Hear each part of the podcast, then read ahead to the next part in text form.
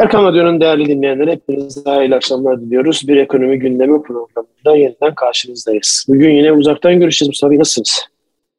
Evet e, Ünsal Bey. Hava koşulları değil mi? Allah'a şükür. Sizler de nasılsınız?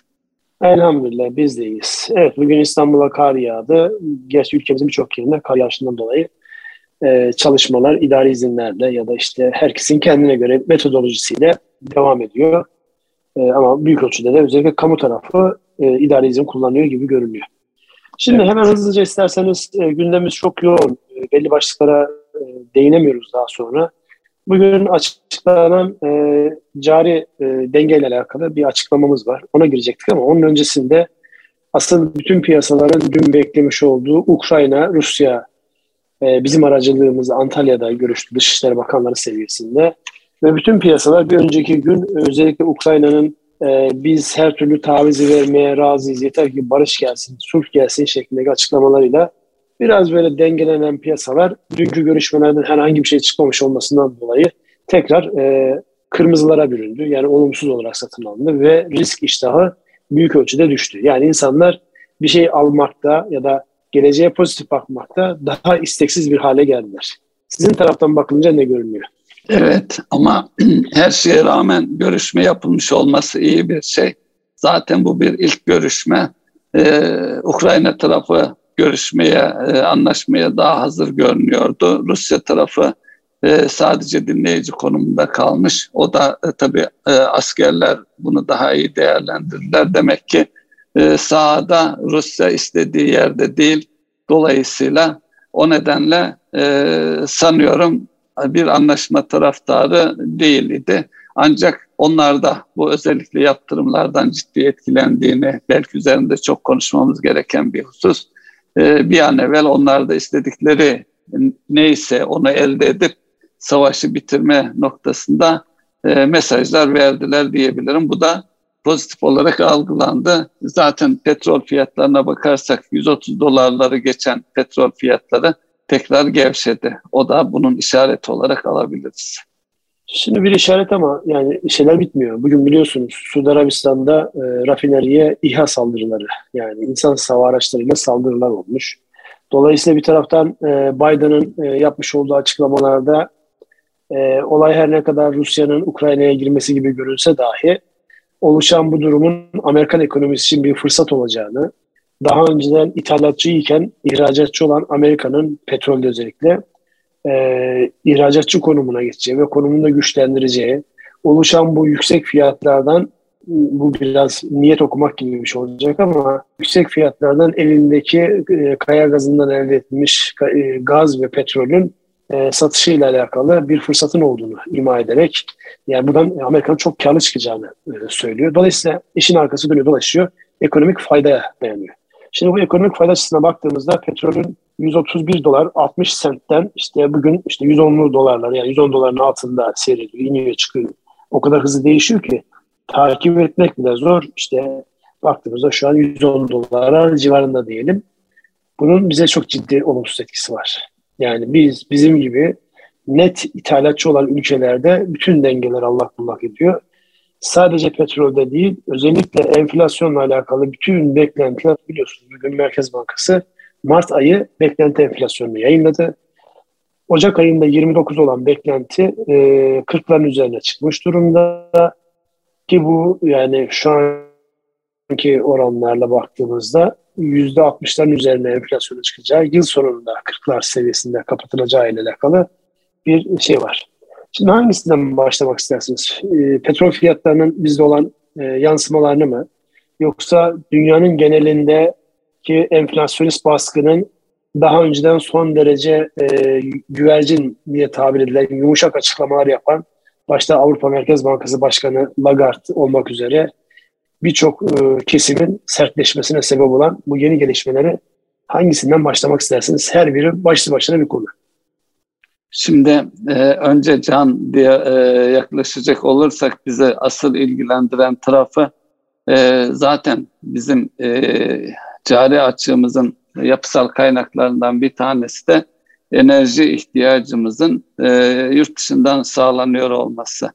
E, dolayısıyla e, şu anki e, 7.11'lik bir e, milyar dolar seviyesinde bir e, dengede açık var.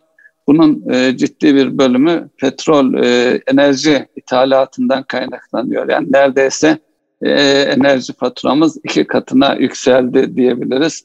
Bunun böyle devam etmesi halinde, daha da yükselmesi halinde bizi ciddi olarak zorlayacak e, baştaki unsur e, enerji. Onun için petrol fiyatları oldukça kritik. Şimdi Rusya'nın e, tedarik ettiği, dünya piyasalarına tedarik ettiği petrol seviyesine dikkat alırsak bunun nasıl, e, kim tarafından telafi edileceği, işte İran orada hızlıca yani daha önceki argümanları gevşeterek büyük bir ihtimalle İran'ın tam kapasiteyle e, ihracata dönmesi, e, petrol tedarikini sağlaması e, amaçlanıyor. Ancak bu e, üçte bir seviyesinde ancak Rusya'nın boşluğunu kapatabiliyor. Aynı şekilde e, Venezuela ile de Amerikalıların görüşmeleri var. Alelacele başlayan görüşmeler. Orada da hemen harekete geçirmeye çalışıyorlar. Bir o kadar da oradan gelirse yine istendiği gibi sağlanamıyor. Tabii Amerika'da büyük bir ihtimalle kapitalist ekonomi olduğu için şu anda girişimlere başlamışlardır. Üretimi artırmak bunu bir fırsat olarak da onların değerlendireceği e, aşikar. Ancak bize e, yansımalarına bakarsak tabii e, şimdi Rusya ve Ukrayna'ya da yakın ve iki ülkeyle de herhangi bir yaptırım yapmaksızın ilişkilerimizi sürdürme eğiliminde olduğumuz için şunu da bekleyebiliriz. Rusya'dan ucuz, makul fiyatlarla petrol tedarik etme imkanlarımızın olabileceğini varsayabiliriz diye düşünüyorum. Nitekim bir haber yansıdı, e, bilmiyorum dikkatiniz çekti mi? Shell'in Rusya'dan e, 28 dolar e, ucuz bir fiyatla petrol alması, bunun da e, kamuoyuna yansıması üzerine işte Shell şirketinin biz aslında aldığımız aradaki e, farkı Ukrayna'ya yardım olarak aktaracağız diye bir açıklaması oldu ama evlere şenlik bir açıklama ne diyorsunuz bilmiyorum yani. E, dolayısıyla bu e, yeni düzende birileri bundan azami ölçüde istifade edecektir. Ne dersiniz? Kesin birileri azami ölçüde istifade edecektir. Yani o çok net görünen bir şey. Özellikle bugün e, şeye baktım. E, Amerika, Amerika diyor Rusya'dan çıkacağını açıklayan şirket sayısı kaç olmuş diye benim takip ettiğim bir internet sitesi var. Oradan 330 tane şirket, uluslararası şirket e, Rusya'dan çekileceğini açıklamış. Bu çekilme bazıları komple faaliyetleri sonlandırma, bazıları operasyonu sonlandırma. Yani şirketin durumuna göre farklılaşan bir şey var. Hatta yani en son çekilecek olan e, işte McDonald's olur diye Amerikan kültürünün en önemli ikonu olarak görülen McDonald's olur diye şeyler de var, espriler de var. O ne zamana kadar ne zaman çekilirse asıl e, çekilmeyi o zaman kabul ederiz gibi de esprileri görüyorum. Şimdi bu bir realite. Yani bir taraftan insanlar yani insanlar derken işletmeler ve devletler kendi menfaatlerini maksimum e, seviyeye getirmek istiyorlar. Öbür taraftan da Amerika'nın çok net bir şekilde insanları, ülkeleri zorladığı bir şey var. Ya benden ya düşmansın. E, hatta bugün çok enteresan bir şey oldu. E, Rusya'nın bir açıklaması var. Rusya dost olmayan ülkelere olan borçlarımızı ruble olarak ödeyeceğiz. Ne yapar nasıl yapsınlar diye. Böyle enteresan bir açıklama oluyor. Sürekli bir resleşmeler devam ediyor. Onun arka planı da enteresan Ünsal Bey. Ee, şöyleymiş. Rusya tabi burada strateji ve ileri görüşlülüğü de adamlara hakkını vermek lazım. Tüm sözleşmelerinde mücbir sebep halinde e, dış borçların e, ruble olarak ödeneceğine ilişkin bir şey. Tabii bu Rusya'nın oldukça işine gelen borçları da e, karalar bağlatan bir gelişme. Rus rublesini otomatik olarak rezerv para haline getirmiş bulaşık. Aynen önce. aynen yani basıp parayı basıp gönderebilirim diyor. Bu da e, tarihe not düşülmesi açısından önemli bir e, argüman yani. Doğru. Zaman zaman internetteki zayıflamadan dolayı seste şeyler oluyor. Artık o yayına nasıl yansıyacak onu kestiremiyorum ama göreceğiz en azından. Dolayısıyla buraya baktığımızda bir taraftan da yani veri akışı devam ediyor. Mesela benim dikkatimi çeken not olarak bugün konuşuruz diye not aldığım konulardan bir tanesi. Amerikan dış ticaret açığı tüm zamanların zirvesine ulaşmış vaziyette. Yani bu operasyonlar olmasa Amerika zaten tarihi anlamda dış ticaret açığında zirvede. Yani bunu dengeleyecek bir şeye ihtiyaç var. Dolayısıyla özellikle Amerika'da e, faaliyet gösteren benim işte birkaç e, e şirket e, genel müdürüne, CEO'suna koştuk yaptığım birkaç şirket var. Türkiye kökenli olup Amerika'da faaliyet gösteren. Yani şöyle bir şeyle geldi. Hatta dün akşam konuştuk onlardan bir tanesiyle. Amerika'da küçük büyük olmaksızın bütün yatırımlara inanılmaz teşvik var. Yani ben işte 10 kişilik bir küçük atölye açacağım dediğimde de yani senatör seviyesinde diyor sizin işlerinizle ilgilenen insanlar var. Bütün bürokrasiyi ortadan kaldırmış vaziyette. Hatta bununla alakalı Amerika'da e, çalışmasını istediğimiz Türklerle alakalı vize problemleri olmasın diye şey yaptığımızda senatör bizzat ben ilgileneceğim diyor. Dolayısıyla bunlar baktığınızda yani e, dünyadaki dengeler yeniden kurgulanıyor. O zaman böyle olunca bizim özellikle iş dünyasındaki insanların e, bu uluslararası gelişmelere bu gözle de bakması gerekiyor. Bütün dünya değişen dengelerde üretim e, imkanlarını ve e, gücünü kendine devşirmeye çalışıyor. Biz de ülke olarak e, bunun peşindeyiz. Çünkü bir taraftan da yani her ne kadar bu kadar olumsuz gelişmeler olsa dahi her gün televizyonda biliyorsunuz birçok insan dinliyoruz. İşte bizim ana ihracat yaptığımız ülkeler Ukrayna ve Rusya'ydı. Şu an oradan e, ne mal satabiliyoruz ne de oradan aldığımız ham maddeleri tedarik edebiliyoruz gibi yakınmalar var. Ama öbür taraftan da baktığımızda bu ayki verilerde biraz kapasite kullanım oranı düşmüş olsa dahi sanayi üretiminde e, neredeyse yani sınırda geziyor.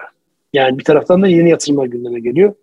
Bu arada işte Amerika'nın özellikle uzun zaman içinde bir hızlama var. Türkiye şu an e, dünyanın odak noktasında.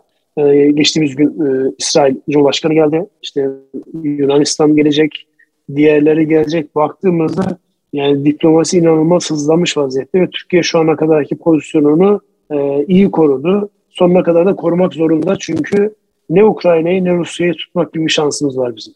Yani güvenlik açısından da ekonomi açısından da. Aslında bu e, Rusya ile Ukrayna'yı e, bir arada tutmanın ötesinde Ukrayna deyince Batı'yı e, anlamamız daha doğru. Avrupa Birliği ve Amerika ve Rusya'yı e, orta bir yerde tutarak buradan e, ilk planda zarar görmemek. En büyük hedef o olması lazım. Şu ana kadar da e, görüşmeler yani siyaset e, tarafında iyi yönetildiğini söyleyebiliriz. Ee, en son e, şeylerde alt planlarda bakıldığında e, ekonomi açısından Rusya ile ticaret işte son geçtiğimiz hafta ülkemizde yaşanan ayçiçek yağı üzerine e, yaşanan spekülasyonlar sonrasında işte e, Azak Denizi'ndeki e, gemilerin sadece Rusya'nın bize ait içerisinde e, ayçiçek yağı, yağ ve bak şey e, yem buna benzer e, hububat olan gemileri serbest bırakmış olması da e, politikanın iyi yürütüldüğünün kanıtları olarak görebiliriz. Yani bizim baktığımız zaman çıkış yollarımız da var, olmak da zorunda. Bu konularda ne diyorsunuz Ünsal Bey? Özellikle e, herhangi içerideki mal kıtlığı yaşanır mı diye. Yine e, Almanya ile ilgili bir haber vardı. Oradaki indirim mağazalarına tekabül eden Aldi mağazasında özellikle un, yağ gibi ürünlerin ve tükendiği ve gelir gelmez tükendiği yönünde bir stoklama eğiliminin onlarda da başladığı fiyatlarında e, neredeyse iki kat seviyesinde arttığına yönelik bilgiler var.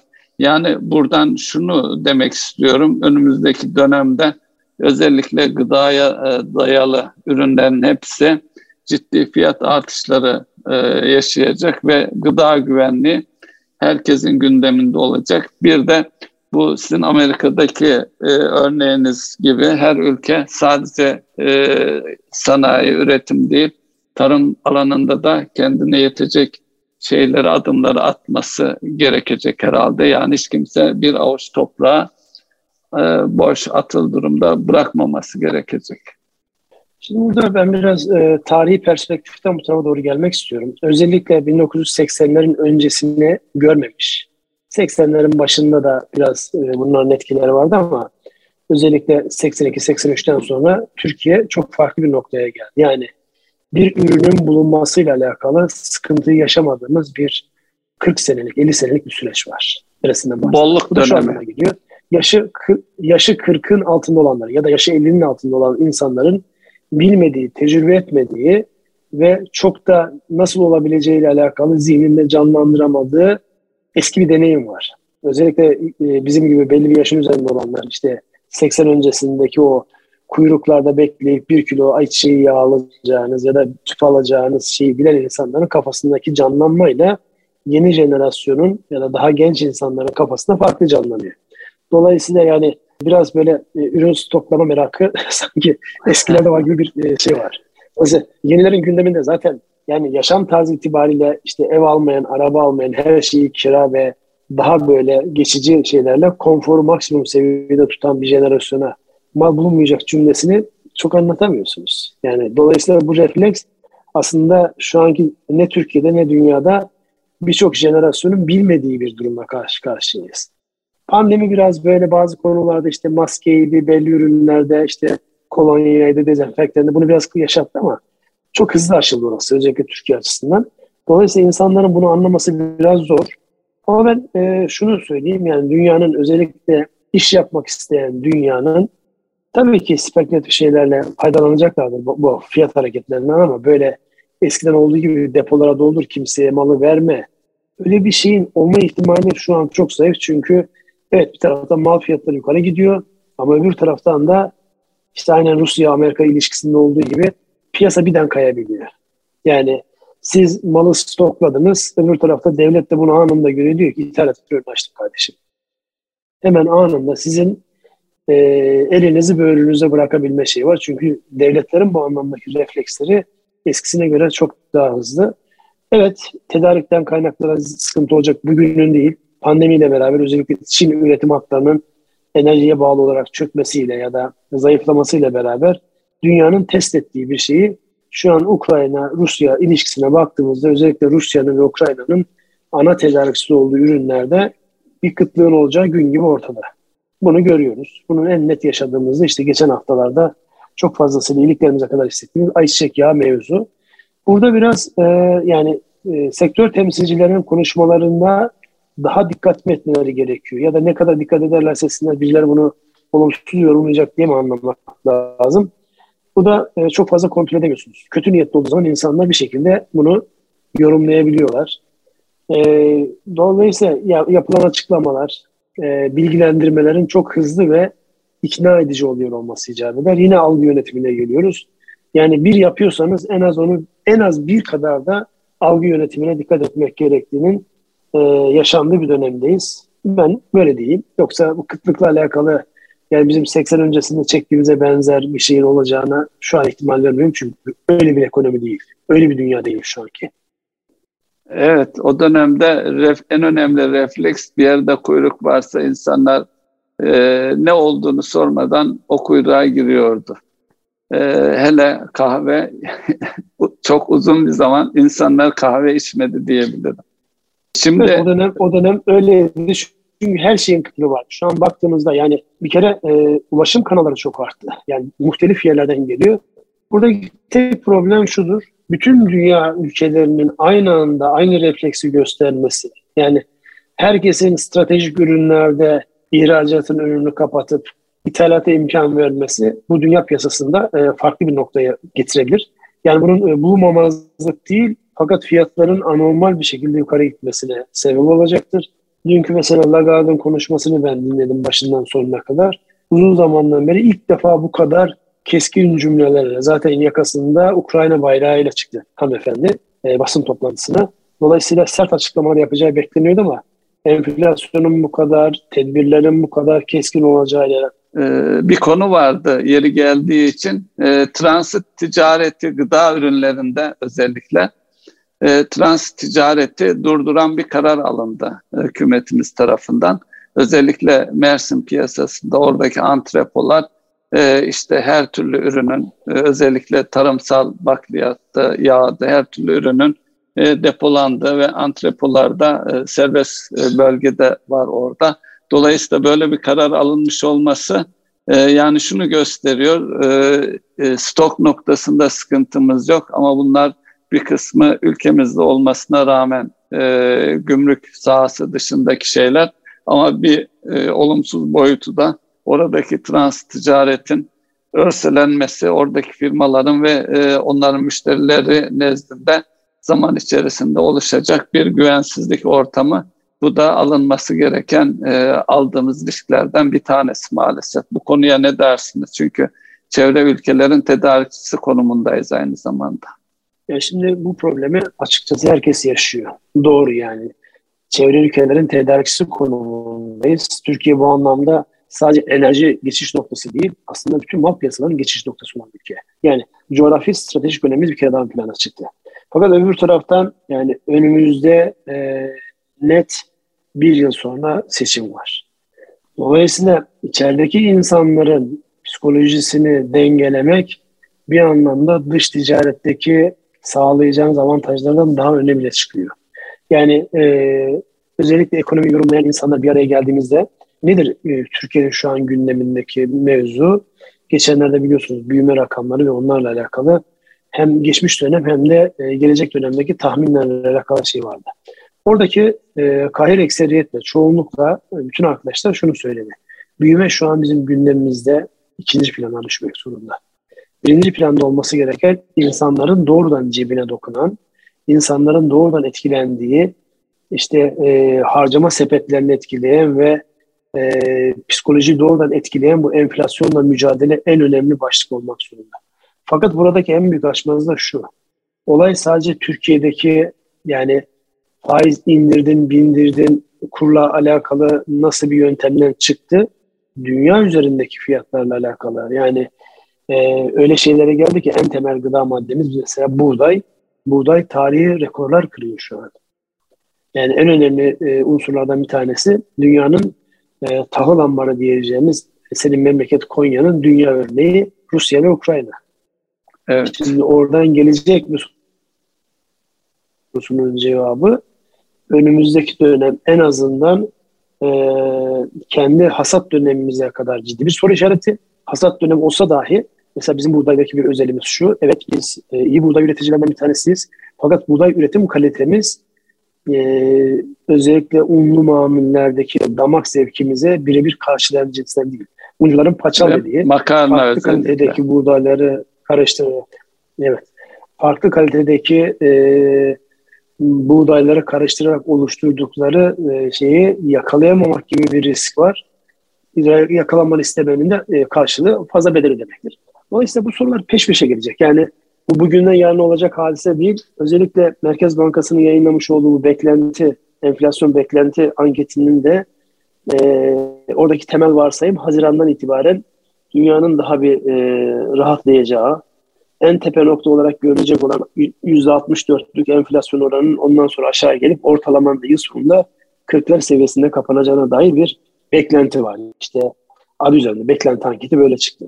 Ama eğer bu e, Rusya-Ukrayna mevzu bu şekilde devam ederse, tedarik konusundaki bütün ülkeler önce can sonra canan derse, ben size söyleyeyim buradaki rakamlar sadece Türkiye'de değil, dünyada farklı bir boyuta gider.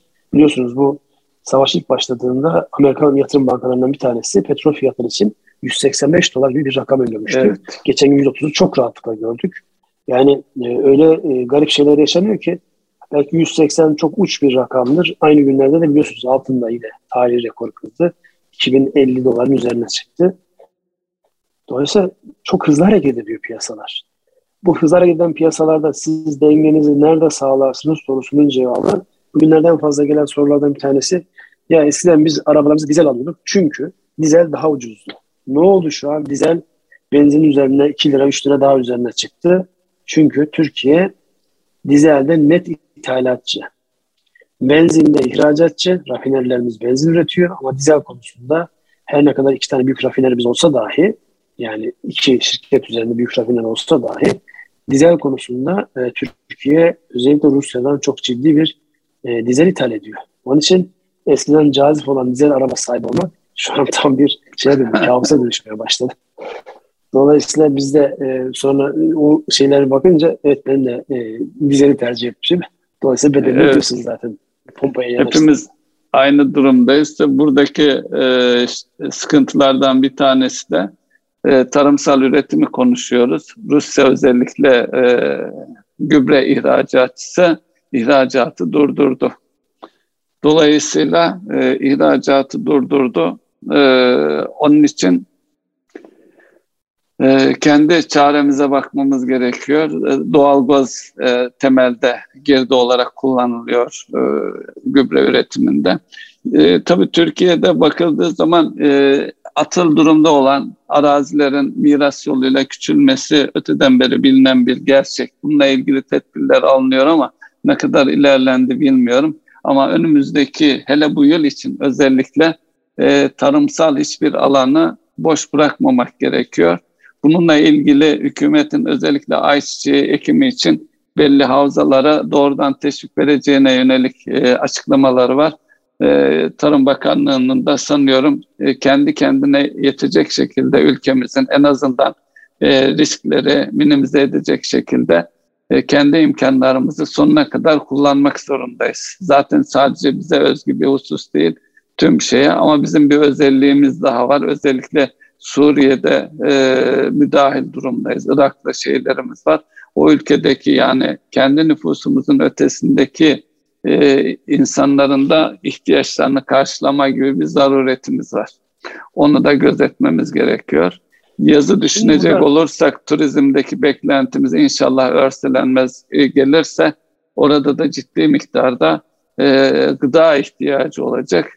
E, tabii bununla birlikte dönüp baktığımız zaman işte petrol fiyatları nasıl üretim yapılacak? Özellikle süt ve süt ürünlerinde çok ciddi sıkıntılar var. Üreticileri zarar ediyor şu anda süt üreticileri.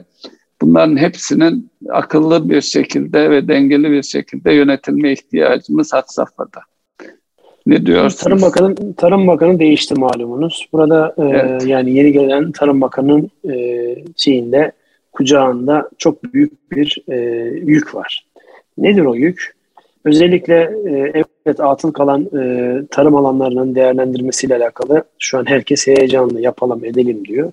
Fakat buradaki sıkıntı eğer nihai ürünü desteklersek e, birçok çiftçi o ekimi yapacak imkana sahip değil. Buradaki gübre fiyatlarını, mazot fiyatlarını dikkate aldığınızda araziyi verseniz dahi o insanlar e, o ekimi yapacak e, ekonomik gücü nereden bulacaklar sorusunun cevabını düşünerek daha öne çekilmesi gereken önden alınması ama istismara da e, sebep olmayacak şekilde akıllıca tedbirlerin alınması gerekiyor. Çünkü yani bu bir realite ekonominin e, gereği olarak e, insanlar e, kendi faydalarını maksimum seviyeye çıkarmak için her fırsatı kullanıyorlar.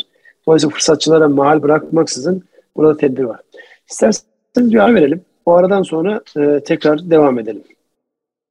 Erkam Radyo'nun değerli dinleyenleri e, kaldığımız yerden devam ediyoruz ekonomi gündemi programımıza. En son e, tarımdaki gelişmeleri konuşuyorduk. Özellikle dünyadaki bu gelişmelerle beraber bizim tarım arazilerinin, atıl kalan tarım arazilerinin yeniden kullanıma açılması ve buradan e, stratejik önemi haiz olan e, ürünlerin üretilmesi başta e, ayçiçek yağı, e, yağ ve e, buğday, bakliyat gibi ürünlerin yetiştirilmesi konusunda neler yapılabilir diye kafa yoruluyor. Tam o sırada biz de şunu söylemiştik. Yani eğer nihai ürün teşvik edilecekse nokta yani ilk ekime başlanacak katlanacak maliyetlerle e, ürünün pazara nasıl çıkacağı ve nasıl değerlendirileceği alakalı sürecin tamamının yönetilmesiyle alakalı bir e, stratejik akla ihtiyaç var. Dolayısıyla inşallah bu yönde kararlar alınırsa bizim e, atıl olan arazilerimizin değerlendirilmesiyle alakalı olumlu sonuç alınabilir. Aksi takdirde insanlara e, mazot, gübre e, ve tohum gibi destekler verilmezse insanların mevcut arazilerini bile belki ekmekte imtina edecekler ya da geri duracakları gibi bir e, konuya dikkat çekmek istemiştik. Buradaki yani olumsuz bir yorum değil, tam tersine bu işi akıl eden insanların ya da yöneten insanların kararlarında kararı nihai ürüne değil en baştan itibaren yapmaları ve istismara da müsaade etmemelerini e, söylemiştik. Sizin ilave edeceğiniz başka başlık var mı burada? Ee, burada genel bir farkındalık da oluşması e, beklenir. E, bir arkadaşım ziyaretime gelmişti. Yazdığında iki tane zeytin ağacı varmış. onları toplamış ve bilgi alarak kendince bir sofralık zeytin haline getirmiş. Hediye olarak da bir kavanoz getirmiş. Dolayısıyla e, insanlarımızın bunun da bir e, şeyi hem hobi e, şeyinde de önemli bir şey. Dolayısıyla yetenekli e, özellikle ev hanımlarının bu konuda yetenekleri olduğunu biliyoruz. Dolayısıyla böyle de bir farkındalığa ihtiyaç var. Zor insanı beceri sahibi yaparmış. İşte daha önceden gözümüz önünde olan e, çok üzerine kafa yormadığımız yani bu evdeki e, elektriği, gazı ve diğer şeyleri tutumlu kullanmaktan tutun. Sahip olduğumuz imkanlarda işte oradaki zeytin ağacı muhtemelen daha önceden o arkadaşımızın e, süs ya da gözümün önünde işte kadim bir ağaç benim bahçede evet. var diye bakarken ekonomik anlamda değerlendirmesiyle alakalı işte bu zor zamanlar insanlara beceri kazandırıyor. Burada tarımla alakalı dikkat çeken e, en önemli yorumlardan bir tanesi özellikle rekolte tahminleriyle alakalı. Çok şükür bu sene Türkiye e, yağış anlamında e, bereketli bir yıl yaşıyor. Dolayısıyla e, yani bugünlerde mesela İstanbul'un bile birçok şehrimizin kar altında olması yaz aylarında eğer bir sel gibi eğer başka bir sıkıntı olmazsa rekolte anlamında iyi beklentilerin olacağı bir yıl olacak diye e, şey var. Hatta bunun buğday fiyatları nasıl etkilerle alakalı e, çok değişik formlarda e, oturumlar düzenliyor. İnsanlar üzerinde kafa yoruyor. Kamu arazileri de var atıl durumda olan. E, onların da tarıma kazandırılması, geçici de olsa en azından mera şeklinde kullanılması da önem arz ediyor. Yemlik bitkiler konusunda. Şimdi öyle de Türkiye'de maalesef yani hem e, iktidar tarafı hem muhalefet tarafı genel anlamda baktığınızda iyi niyetli olarak atılan bazı adımların hemen doğruluk payda olabilir. Birileri tarafından istismar edileceğiyle alakalı uç bir nokta ön plana çıkarılıp arkasından bunun e, spekülasyonu yapılıyor. Yani biz yolun başında çok yoruluyoruz. Yani burada hep böyle bir e, şey düşüncesi var. Mutsuzluğa ve e, olumsuz tarafa odaklandığımız için yani bu söylemiş olduğumuz hazine arazilerinin, kamu arazilerinin e, tarıma açılmasıyla alakalı hemen arkasından şöyle yorumlar geliyor. Kime peşkeş çekiliyor yorumları geliyor. Dolayısıyla bu da yani yapmak isteyenlerin gardını düşürüyor. Ya da e, gerçek tartışmamız gereken başlığı değil de daha alakasız başlıkları tartışır hale geliyoruz diye de buraya bir not düşelim. Bu da ülke olarak en büyük ısrafımız insan olarak e, entelektüel sermayemizin e, zaman ısrafı. Çok e, lüzumsuz şeylerle inanılmaz vakitler harcıyoruz. Bunu nasıl çözeceğiz sorusu da aslında hepimizin gündeminde olması gereken başlıklardan bir tanesi. İstersen devam edelim. Yani bu e, cari açığın, yani cari fazlayı verme e, düşüncesiyle oluşturulan yeni ekonomik, Türkiye yeni ekonomi modelindeki şey dışsal gerekçelerle e, kısa vadeli olarak görmeyeceğimiz, oluşmayacağını gördük. Bunun etkileri ne olur? Yani Türkiye e, şu an son 4 yılın en büyük cari açığıyla yüz yüze ve önümüzde özellikle bu savaş belirsizliğinden dolayı güvenlik ve tedarik zincirindeki belirsizlikten dolayı cari fazla verme noktasında o düşüncemiz biraz daha ötelemiş durumda ki firmalarımızın önemli bir kısmı ihracata yönelmiş olmasına rağmen ama az önce de konuştuk.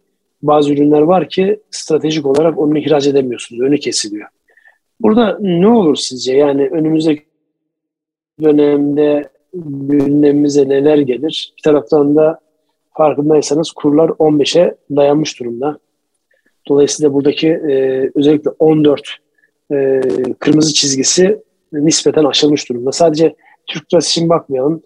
E, Euro dolar açısından da baktığımızda Euro aleyhine bir zayıflama var burada. Eskiden 1.14'ler 15'ler seviyesinde olan parite şu an bir onun altında euro dolar paritesi. Ve bizim e, ana pazarımız euro, mal sattığımız piyasa euro, malı tedarik ettiğimiz piyasaların konuştuğu para cinsi dolar. Ne diyorsunuz burada ne olur? E, burada da aleyhimize bir gelişme var. Bir kere bu cari fazla e, beklentimizi ertelemek durumundayız. Şu anda mesela en büyük girdi olarak umudumuz e, bu aydan itibaren neticede otellerin hareketlenmesi, Nisan'dan itibaren başlamasını beklerdik. Ee, Rusya e, e, Rusya tarafından belki daha fazla ziyaretçi gelebilir. Sıcak savaşın e, birkaç hafta içerisinde e, ateşkese, barışa dönmese bile ateşkese e, dönmesi halinde çünkü büyük bir ihtimalle şimdi batıya baktığımız zaman orada da faşist damarların kabardığını düşünüyoruz.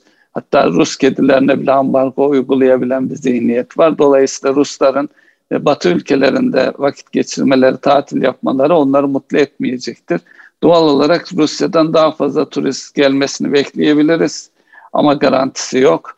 Bir taraftan da Ukrayna şu haliyle oradan e, turist beklemek biraz abes kaçıyor yani. Oradaki insanlar zaten birçoğu evini, barkını terk etmiş durumda. E, bu açık devam edecek görünüyor. Yani e, e, stratejik nedenlerle de az önce trans ticareti konuştuk. E, ihracatı, döviz kazandırıcı işlemleri engelleyen şeyler var. Ama bu arada yeni fırsatların çıkacağını da beklememiz lazım.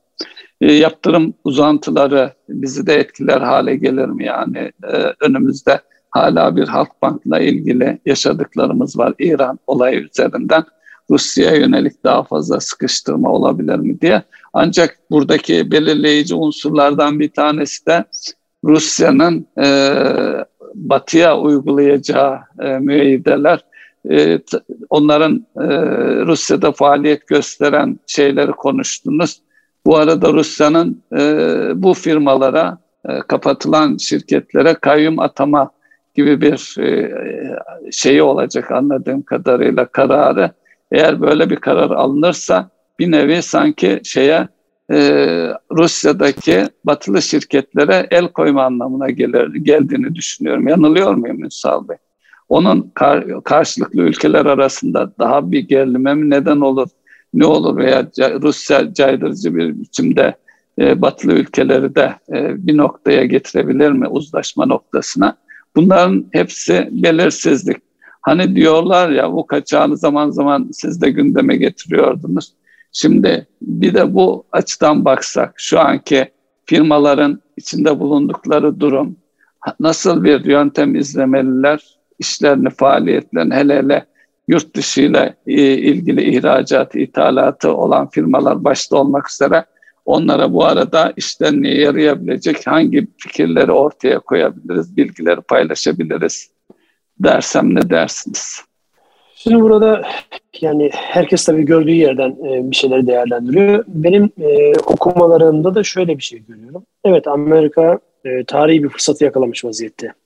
E, yani 100 yıllık rakibi olan Rusya'yı sıkıştırmak noktasında oradan da asıl mesajı Çin'e verdiğini herkes de biliyor yani.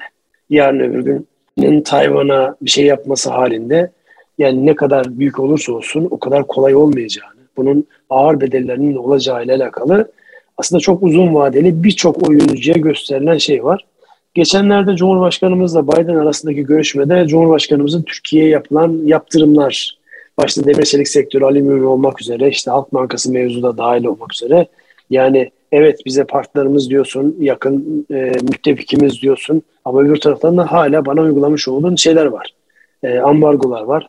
Kaldı ki böyle bir süreçte e, yani daha böyle yakın olması gerekirken pazarlıklar devam ediyor. Bunun bir pazarlık unsuru olarak devam edeceğini de görüyoruz.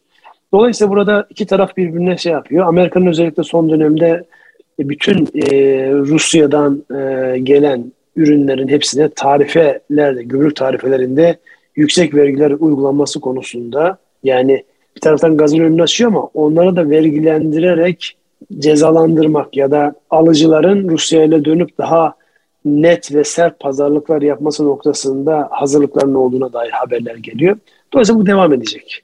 Biz e, yani dışarının e, şeylerin dikkat almak için tabii ki strateji geliştiremeyiz. Ama içeride özellikle tedbir anlamında baktığımızda e, bizim e, güneyimizdeki özellikle Antalya bandındaki gayrimenkul işi yapan insanlarla konuştuğumuzda yoğun bir e, Ukrayna ve Rusya'dan her ikisinden de yoğun bir gayrimenkul alma taleplerinin olduğu, para transferiyle alakalı kripto paralarla dahil olmak üzere farklı yöntemlerle alma isteklerinin, daha önceden yapılmış olan işte kapor ödemesiyle yapılan rezervasyonların iptal edilmemesi konusunda e, baskıların olduğu.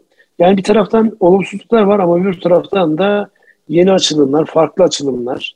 Yani vatandaşlığı e, biliyorsunuz biz cazip hale getirmiştik. Özellikle e, şu anki fiyatlarla baktığımızda 250 bin dolar bu anlamda cazip bir rakam ya da 500 bin doların banka hesaplarında işte 3 sene kalması gibi şu an alt kırılımlarına çok detay girmek istemiyorum. Avantajlar var. Bunlar ön plana çıkacaktır. Bunları birileri pazarlayacaktır. Onlara karşılık bulacaktır. Ama bir gerçek var. Türkiye gerçekten yani şu ana kadar bu süreçte yani hem boğazların kontrolü anlamında hem e, batılı müttefiklerle olan ilişkiler anlamında hem de ticaret e, partneri olan Rusya ile ilişkiler anlamında e, gayet e, göz doldurucu bir performans sergiledi. Bu performansın sonuna kadar gitmesini arzularız ki e, öbür tarafta mesela biz e, Rusya ve Ukrayna'yı konuşuyoruz. Başta tarımla alakalı olmak üzere. Hemen arka tarafta bir Kazakistan gerçeği var. Mesela Kazakistan bu dönemde bizim açımızdan e, çok farklı bir, e, zaten ticari ilişkilerimiz var. Farklı bir açılımı olur. Geçen e, Cumhurbaşkanı yardımcısı Fuat Oktay Bey'in Kazakistan ziyaretinde e, ele alınan en önemli başlıklardan bir tanesi de özellikle Türk tırlarının Kazakistan'a daha fazla sayıda kotanın arttırılması ve e, en azından kullanılan işte Hazar Denizi üzerinden e, yapılan sevkiyatların, Kazakistan işlerine giden sevkiyatların daha da arttırılabileceği ile alakalı ön mutabakatlar var. Önümüzdeki günlerde de zaten Kazakistan e, Devlet Başkanı'nın Türkiye'ye geleceği ve stratejik anlamda belki Rusya'dan oluşan boşluğun çünkü arka tarafta onların kendi aralarında anlaşmaları var. İsteseler de ambargo uygulayamıyorlar birbirlerine. O anlamda biz pazarı Kazakistan üzerinden ya da diğer e, eski Sovyet Cumhuriyetleri üzerlerinden e, sürdürebiliriz gibi bir anlam çıkıyor. Sürekli ülkeler e, şey açıklıyor yani bunun Türkiye yansıması nasıl olacağıyla alakalı da açıkçası kafa biraz karışık. Onun için o görüşmelerin e, önemi daha da artıyor. İsterseniz buradan şeye geçelim. E, dünkü haberlerde e, Türkiye Varlık Fonu'nun e, Türk Telekom'un hisselerini, bankaların elinde Türk Telekom hisselerini e, bir rakama 1.6 milyar e, dolar karşılığında almasıyla alakalı ya da alma girişimiyle alakalı bir şey var.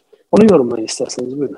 Şimdi e, Öcer'e e, Öcer'e özelleştirildiği zaman Öcer Telekom'a sanıyorum 5-6 milyar dolar arasında bir seviyeden özelleştirilmişti. Ancak Öcel'in kendi özel durumundaki... 6.5 milyar dolar gibi rakam hatırlıyorum ben. 6.5 olabilir evet Ünsal Bey. Dolayısıyla e, Öcel'deki yaşanan sıkıntılar nedeniyle bugünlere geldik. Daha doğrusu bankalara e, ödemelerini gerçekleştiremedi ve bankalarda hisseleri devralmışlardı. Ancak bankaların yönetmek ve sahibi olmak istemediği bir hisseydi. Şimdi 1.650 milyar 650 milyon dolar olarak e, açıklanmış artı e, geçen yılın temettü gelirlerini de ödemeleri gerekiyor. Böyle bir fiyat tabii bu açıdan bakınca bankalar ciddi bir zarar yazmış durumda. E, tabii e, yapacak bir şey yok. Sanıyorum bugüne kadar karşılıklı ayrılmış olabilir. Ancak Türk Telekom Türkiye'nin önemli kuruluşlarından biri. Belki e, özelleştirilirken özelleştirmeler kritik e, stratejik sektörlerde biraz daha dikkatli olmamız gerekebilir. E, banka cenahına baktığımız zaman da en azından bankalara bu dönemde bir e, nakit girdisi sağlanmış olacak ki o da şey açısından özellikle sermaye yeterlik rasyolarında rahatlatacağını düşünebiliriz. Tabii Türk Telekom'un diğer e, operatörlerinde ciddi bir yatırım ihtiyacı olduğu bir dönem. İşte 5G mevzusu var. Sanıyorum biraz da hem finansal konularda hem de 5G'nin e, milli, bir hedef var. Cumhurbaşkanımızın da ifade ettiği 5G'ye kendi milli teknolojimizle geçeceğiz diye. Belki e, o bekliyor e, yatırımların e, yanlış bir e, işe yaramayacak bir yatırım yapılmaması açısından. Ben bu Türk Telekom'un varlık fonuna geçe, geçmesini Türk Telekom'un tekrar bir biçimde yatırıma e, ağırlık vereceği ve daha değerli bir şirket haline geleceğini düşünüyorum. Çünkü asıl en büyük e, telekom e, açısından bakarsak altyapı özellikle fiber altyapısı olarak bakarsak birinci sırada Türk Telekom, e, onun ötesinde de Türkcell'in ciddi e, şey e, fiber yatırımları vardı. Bunların daha da arkasının gelmesini bekleyebiliriz diye düşünüyorum. Yani, İyi olacağına evet, inanıyorum. Ciddi yatırımlar yani. var. Ciddi yatırımlar var ancak e, şu bir gerçek. Bunu bir programda da sizinle değerlendirmiştik. Herhalde dünyanın en zayıf, en e, yavaş internetini kullanmak gibi bir e, problemle de karşı karşıyayız. Yani Bir taraftan evet e, yatırımlar e, bir şekilde devam etti ya da aksadı bilemiyoruz. Ama bir gerçek var. Kullanıcı olarak, son kullanıcı olarak yani bilmiyorum siz ne diyorsunuz ama ben çok memnun değilim. Yani gerek iş yerindeki altyapılar bunların hepsi fiber hattı olmasına rağmen e, şu an sizinle konuşurken de mesela ha, ses evet. gidip gidip geliyor. Yani evet. hemen şeyin yanında modemin yanında oturmama rağmen ben fiber olmasına şekilde. rağmen ve en üst e, en üst aktarımlı e, faturayı ödememe rağmen e, yok yani ses gidip gidip geliyor. Onun için bu anlamda yani çok böyle beklenti yüksek tutmamak lazım. Biliyorsunuz zaten Telekom'un %30'luk kısmı kamu payı zaten muhafaza ediliyordu.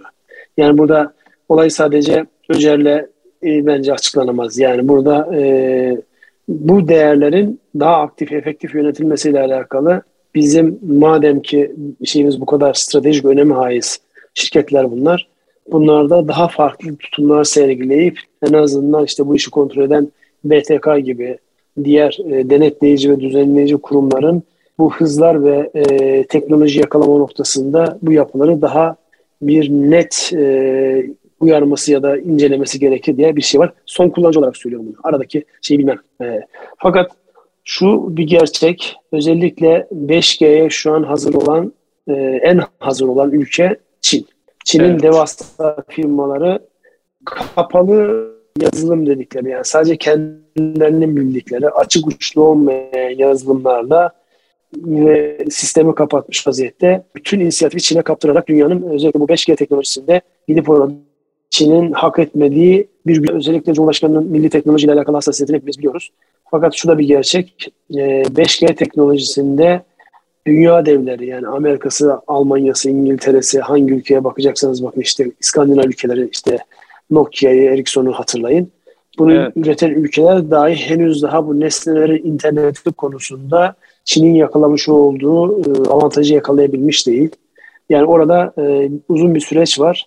Ama bir realite şöyle oldu. Telekom'un varlık konuna geçiyor olması dün en azından bankacılık hisseleri üzerinde yani alacağı olan bankaların hisseler üzerinde pozitif bir etki yapmıştı.